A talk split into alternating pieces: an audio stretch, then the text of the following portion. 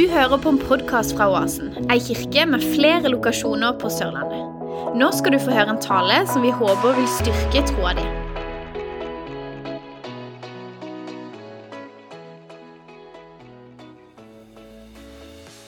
Da starter vi rett på i Efeserne 3. Og da får vi opp vers 1. Det er jo logisk. Vi starter med vers 1. Nå var det vel Eivind som gjorde motsatt vei, men han var bare litt ulogisk. Nei da. Der starter det med et interessant ord. Derfor. Og dette er et ord som Paulus bruker veldig mye. Du finner det også i vers 13 og i vers 14. Derfor. Og Paulus han bruker dette ordet for å forklare den viktige koblinga mellom hva Gud har gjort, og konsekvensen av det.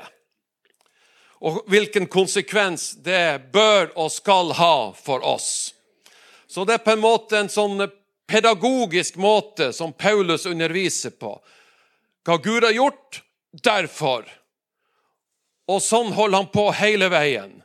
Du, for I Romerbrevet 1 så står det tre ganger, i Romerbrevet 2 starter med ordet, du finner det i Romerbrevet 4, første Korinterbrev, du finner det i andre Korinterbrev, du finner det altså i Filippebrevet. Overalt bruker Paulus dette ordet 'derfor'. Det er hans måte å forklare ting på. Eksempel i andre Korinterbrev 5,17, som vi nå kan få opp. Der står det Derfor, hvis noen er i Kristus, er han en ny skapning. Det gamle er borte, se, det nye er blitt til. Derfor.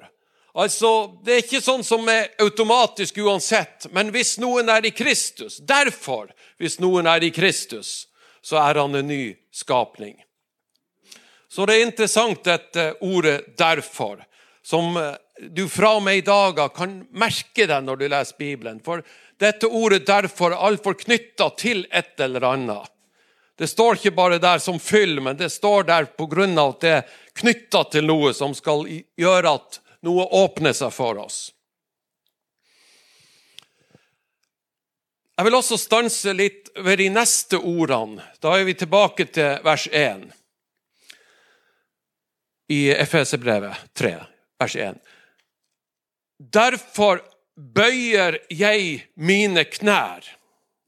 Han sier også igjen i vers 14.: Derfor bøyer jeg mine knær. Ingen tvil om at Paulus snakker om å fysisk legge seg på kne i bønn. Det er bibelsk, og det bærer med seg en dimensjon av gudsfrykt og anerkjennelse av Jesu herredømme. Og kanskje det er en noe litt tapt dimensjon blant oss kristne i dag. I tidligere tider så var det vanlig, når det var vekkelse og vekkelsesmøter, så var det vanlig at de som søkte frelse, gikk fram og bøyde kne framme i lokalet. Og det ble snakka om at uh, den og den hadde bøyd seg. Er det noen som husker det? Den og den hadde bøyd seg. Og så og så mange hadde bøyd seg. Det var noe med dette, med denne gudsfrykten og denne anerkjennelsen at det er Jesus som er Herre, som jeg tror det kan være veldig bra å få noe tilbake. Jeg husker som nyfrelst og de første årene i baptistkirka på Sommerøya, der jeg kom fra. Der var det helt vanlig at når det var bønnemøte, så lå vi på kne og ba til Gud. Det var også enkelte ganger vekkelsesmøter hvor folk bøyde kne. Så jeg på en måte vokste opp med dette. Og Da var det ikke sånn eh, segregering i, i alder heller, at liksom ungdommer hadde sitt, og de voksne sitt, og de gamle sitt. Men der lå jeg på kne som eh, 17-18-åring med en på kanskje 75 rett ved siden av meg. Alle aldre var, bøyde sine kne når vi hadde disse bønnemøtene, og det var noe med det. Jeg husker også på noen konferanser på Livets Ord, og vi var mange tusen mennesker. og I noen av disse møtene så bøyde vi kne og ba. og Det var en veldig sterk opplevelse. Jeg husker også eh, disse Jesusmarsjene som var i Uppsala. Eh, noen av dere var sikkert med på det, hvor 3000-5000 mennesker gikk fra Vaksala torg og, ned til Stora, Stora torg i sentrum. Og Der husker jeg også at vi bøyde kne på asfalten og ba for folk, by og land. Og det var veldig, veldig, veldig sterkt. Opplevde det flere ganger. Og Vi ser også at Paulus praktiserte dette. Eh, F.eks. når eh, Paulus kom til Milet. Da hadde han eh, vært i Efesos, som vi preker om. Og så hadde han bestemt seg for at han ville dra til Jerusalem. Og så begynte han sin båtreise, og så ikke så veldig langt nedover langs sørvestkysten av Tyrkia, så gikk de inn til Milet. Og når han var der, så sendte han bud til alle de eldste i Efesos, som han hadde vært i i tre år, at de, ville, at de skulle komme dit. Og så hadde han undervisning for dem, en sånn siste på en måte formaning. Og så står det i, i vers, fra vers 36 der i kapittel 20 Da han sluttet å tale, knelte han ned sammen med dem alle og ba så står det de brast i gråt og falt Paulus om halsen og kysset han. Der hadde du passa godt inn, Eivind. ja, for å være ærlig, jeg også er litt sånn som noen ganger, så we can shake hands.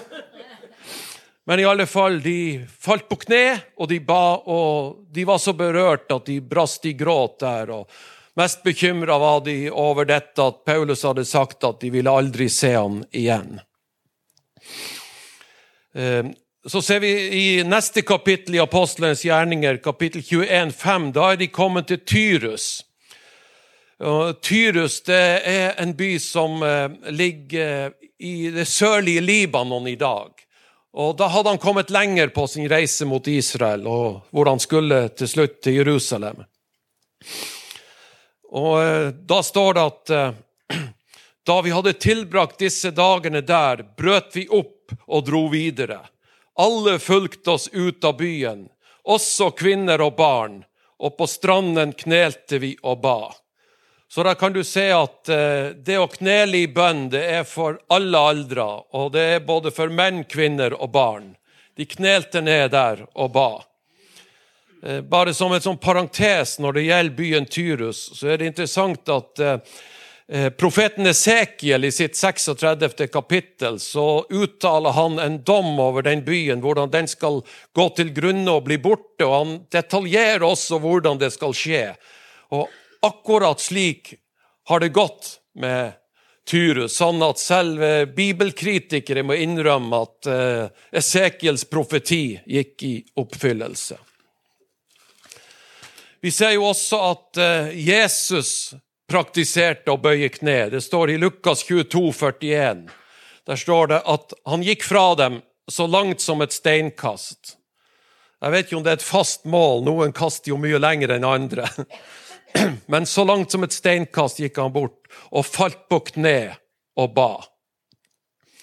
Eh, du nevnte dronning Elisabeth, som nå har reist hjem til Jesus, til himmelen.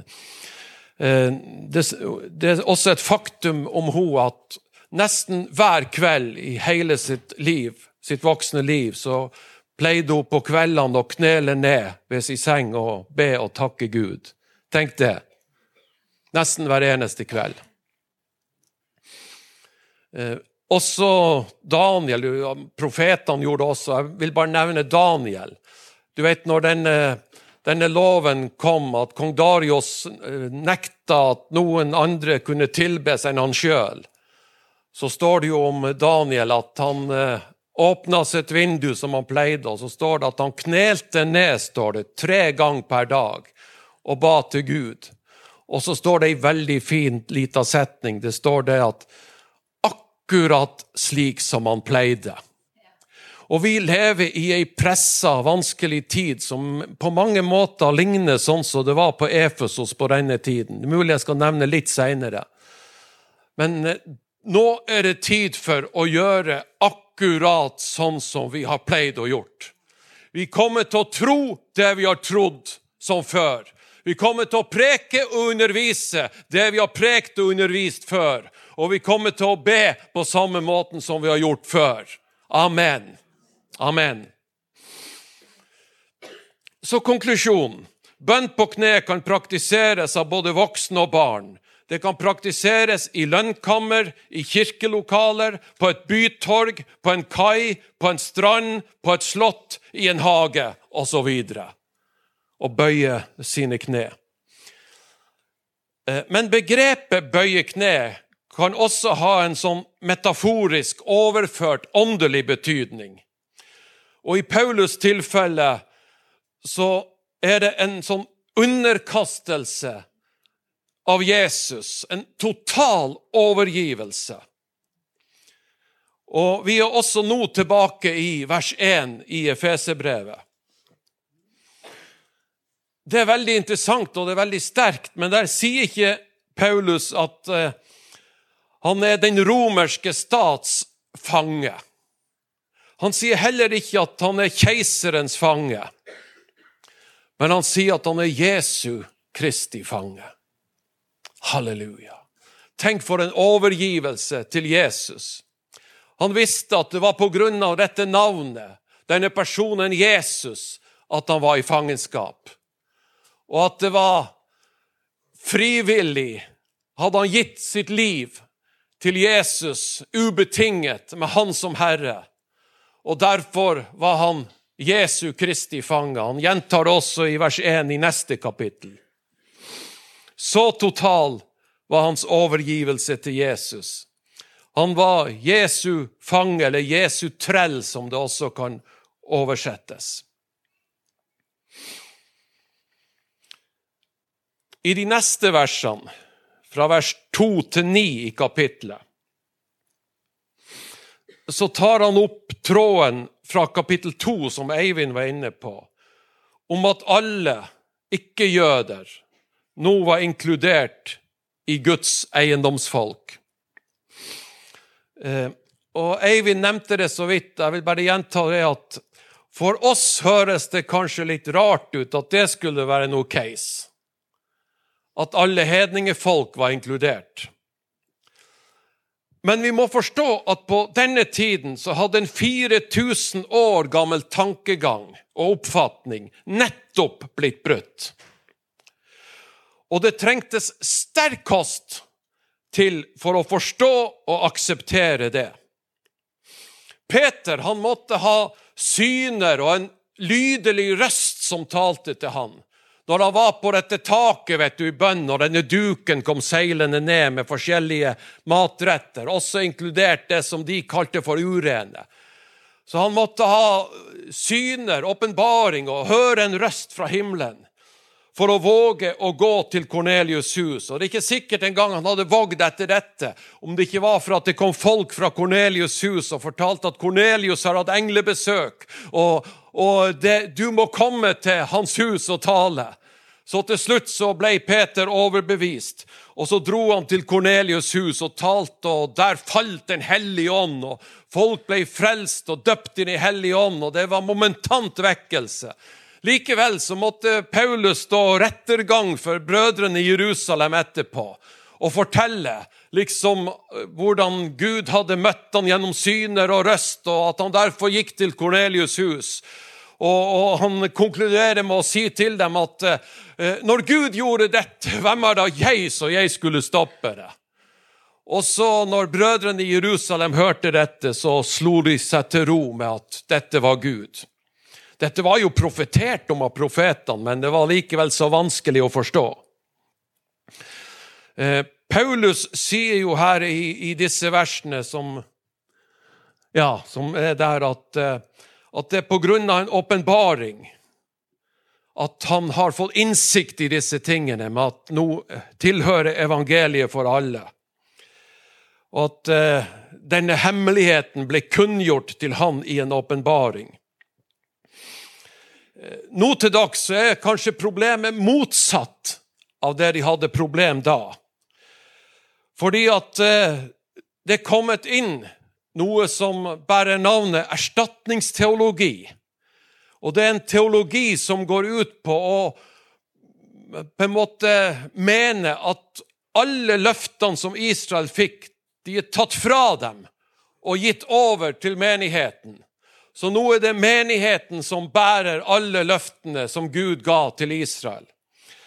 Men eh, denne type lære, erstatningsteologien, tar Paulus et kraftig oppgjør med. Du ser det bl.a. i eh, kapittel 9, 10 og 11 i Romerbrevet.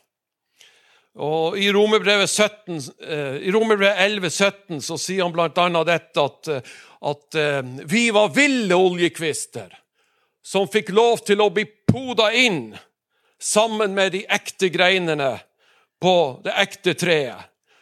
Og så har vi fått del, står det, i sevjen fra roten. Vi har fått del i det opprinnelige. Vi har ikke overtatt det, at det er bare oss, men vi har fått del i det av Guds nåde. Og han sier også der at Men innbill deg ikke at du er bedre enn de opprinnelige greinene. Så det er noe innbilsk og ekkelt over dette. Og på en måte forkaste jødene og tro at nå er det vi som har det. Det tar Bibelen et kraftig avstand fra. Vi kunne sagt eh, mye om Paulus' åpenbarelser. Han hadde mange. Eh, blant de mange han hadde, så er det to som på en måte bemerker seg særlig. Og Den første var jo der på vei til Damaskus, hvor han ble slått ned av hesteryggen, og han eh, så dette enorme lyset som blenda han, og hørte en røst som talte til han. Saul, Saul, hvorfor forfølger du meg? Og han spurte, hvem er du, Herre? Jeg er Jesus fra Nasaret, han som du forfølger. Den beretninga kjenner vi. Men i 2. Korinterbrev 12 så forteller han også om en enorm åpenbarelse som han har hatt. Og for at han ikke skal liksom eh, skryte av dette og braske seg over det han har opplevd, så sier han ikke liksom at 'jeg opplevde dette, men han sier det sånn i, i tredje person, eller hva det blir, dere som kan grammatikk. Han sier at eh, 'jeg vet om en mann som ble rykket opp helt like inn i den tredje himmelsiden'. Og så begynner han å fortelle at der hørte han ord som var ulovlig, umulig å si. Og det som er interessant, er at når Paulus for første gang i 2. Korinterbrev 12 deler denne spesielle Bare nevner litt om denne opprykkelsen til den tredje himmel, så står det at han sier at, han, han sier at det skjedde for 14 år siden. Så noen ganger når Gud åpenbarer ting for deg, så er ikke det første du skal gjøre, det å springe av sted og fortelle hva Gud har sagt. Eh, Josef prøvde på det, og det ble litt problemer. Men dette var en sånn hellig opplevelse for Paulus at det gikk 14 år før han i det hele tatt nevnte det.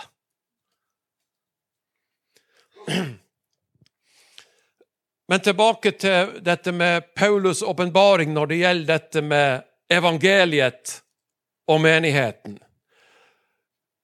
Så når det gjelder dette med frelsesverket og den nytestamentlige menighet, så fikk Paulus et særlig oppdrag og en særlig oppgave av Gud. Så når det gjelder Paulus' åpenbaring om Kristi forsoning, og at det er fullført i Kristus, og at det er satt et punktum foran all framtidig såkalt åpenbaring om hvordan det forholder seg.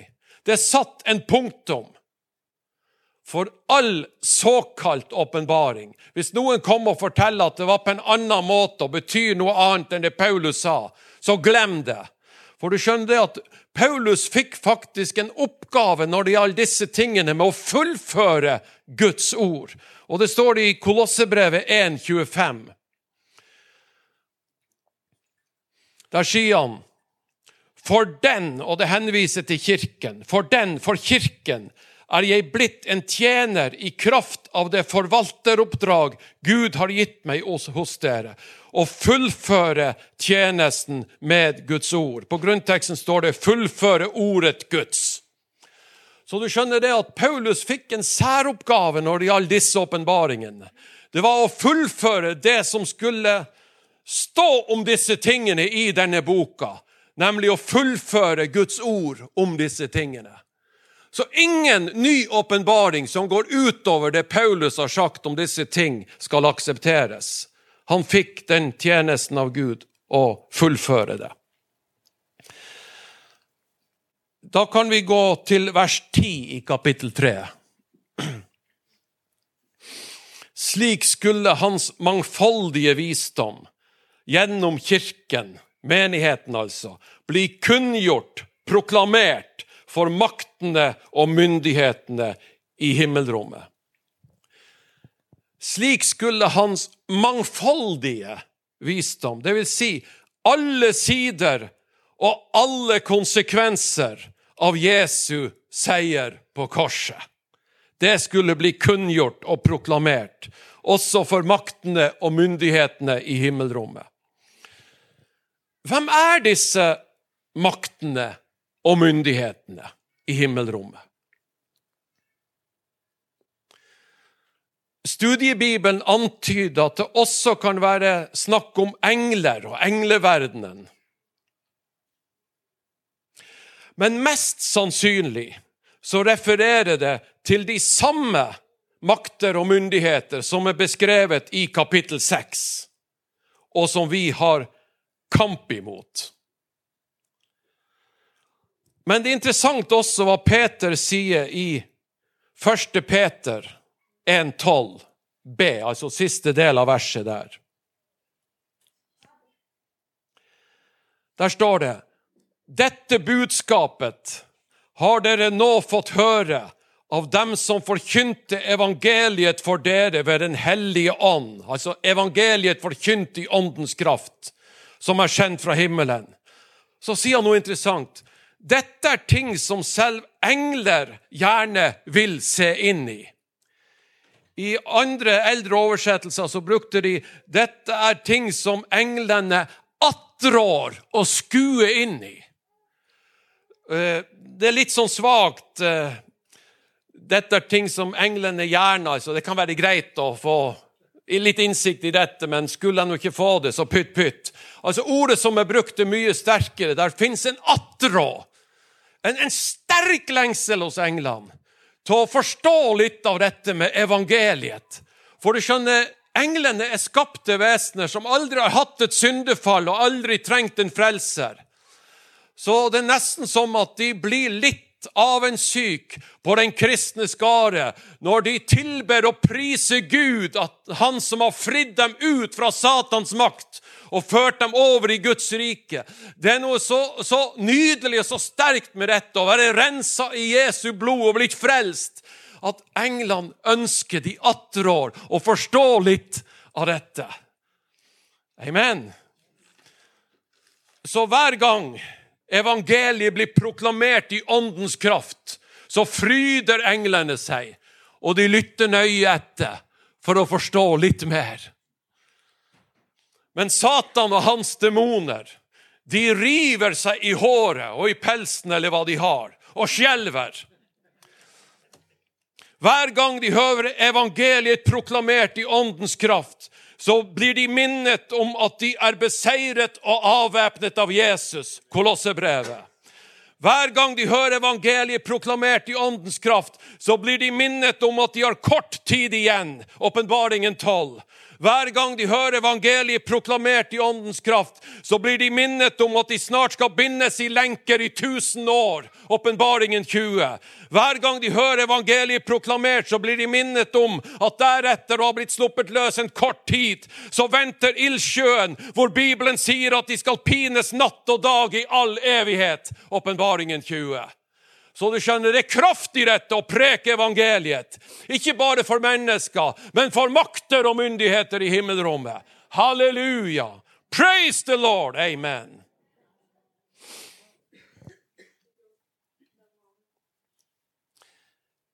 Da får vi roe oss ned litt, og så vil jeg bare nevne fra vers 14 og utover til 19.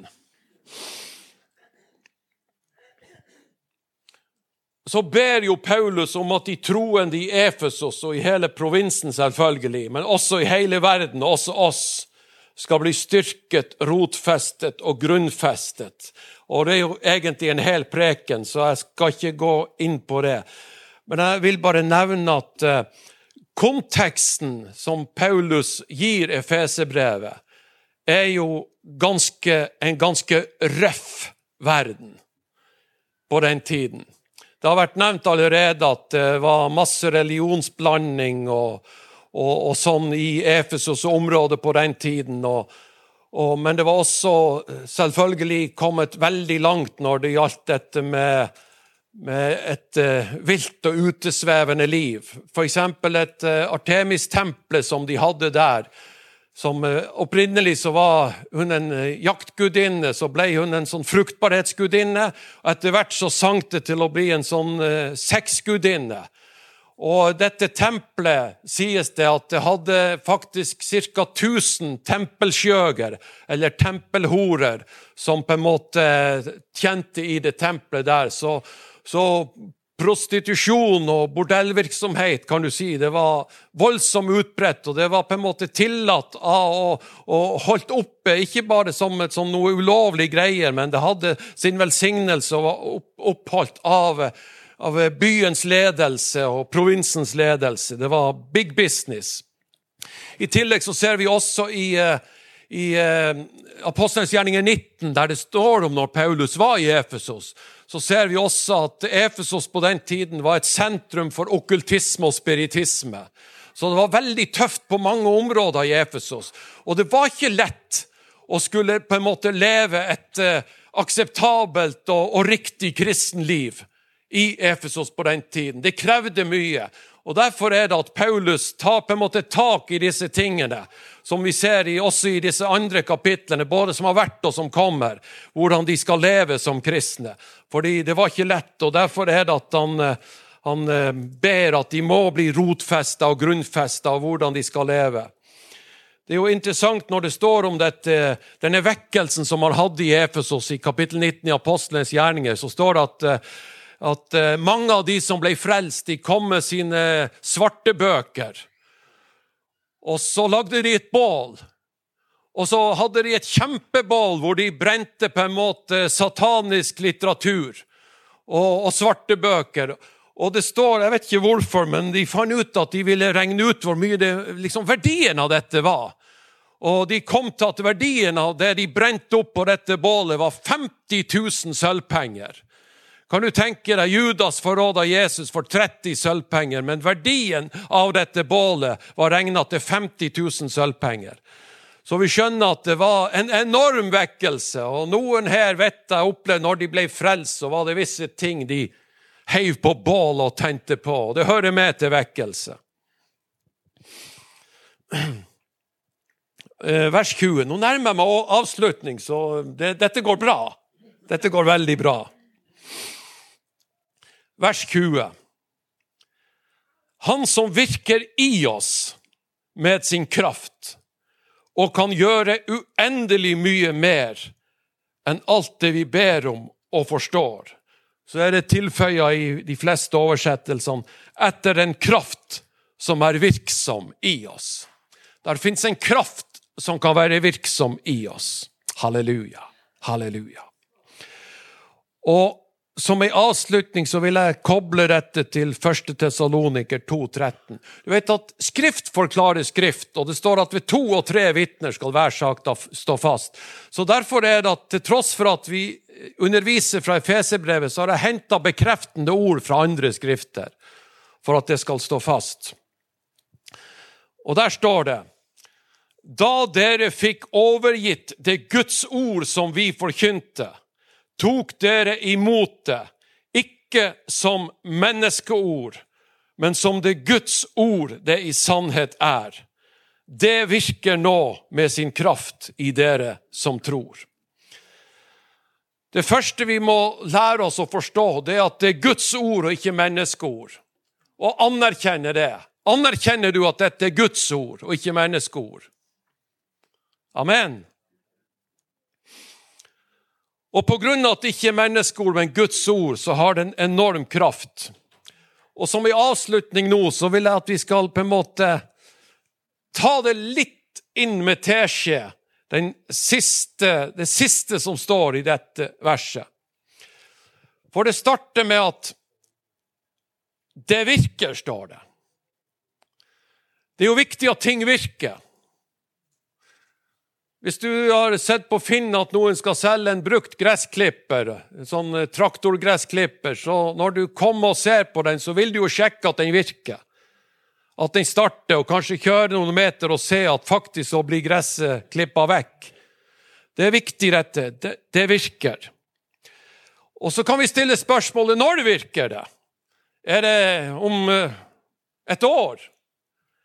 Nei, det står det virker nå. Nå, akkurat nå. Akkurat nå mens jeg har forkynt, så virker, så er dette ordet virksom i oss. Hvordan virker det? Er det svak virkning? Er det bare sånn bitte litt virkning? Nei, det står det virker nå med sin kraft. Dette ordet som virker nå, det virker med sin kraft. Det er kraftige saker, det vi holder på med. Amen. Hvor virker det? Virker det bak meg? Oppå hodet mitt? Hvor virker det? Nei, Bibelen sier at det virker i dere. I oss. Inni oss. Akkurat som det sto i Efeserbrevet 20, etter kraften som er virksom i oss. I oss. Men for hvem er det det virker? Er det for hvem som helst? Nei. I oss som tror. Det virker for de som tror. Halleluja. Som det står i Isaiah. Det står 'For hvem ble Herrens arm utdrakt?' Jo, for dem som hørte rapporten, og som trodde. Skal vi si det sammen, dette siste, som en avslutning? Så leser jeg første del av verset, og så når jeg kommer til det virker, så gjentar du etter meg. Er du med på det? Ja. Da dere fikk overgitt det Guds ord som vi forkynte, tok dere imot det, ikke som menneskeord, men som det Guds ord det i sannhet er. Det virker. Det virker nå. Det virker nå med sin kraft. Det virker nå med sin kraft i meg. Det virker nå med sin kraft i meg fordi jeg tror.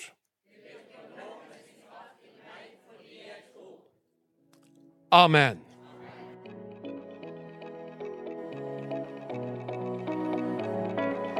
Takk for at du lytta til vår podkast. I Oasen har vi et kreativt, positivt og attraktivt miljø der vi drømmer om å se mange sunne menigheter. Ta gjerne kontakt med oss via vår nettside eller sosiale medier. Ha en velsigna dag.